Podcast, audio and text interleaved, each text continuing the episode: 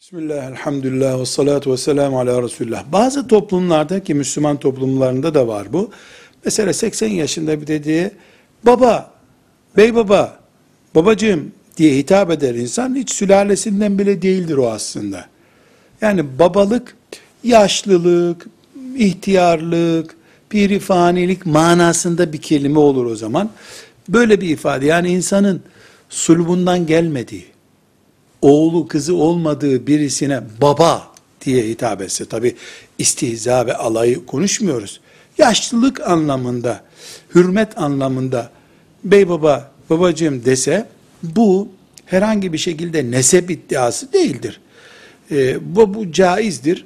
Örf bunu kabul ediyorsa, hakaret içeriği e, algılamıyorsa örf caizdir. Efendimiz sallallahu aleyhi ve sellem bir hadis-i şerifinde ashaba hitap ederken ben sizin babanız yerindeyim.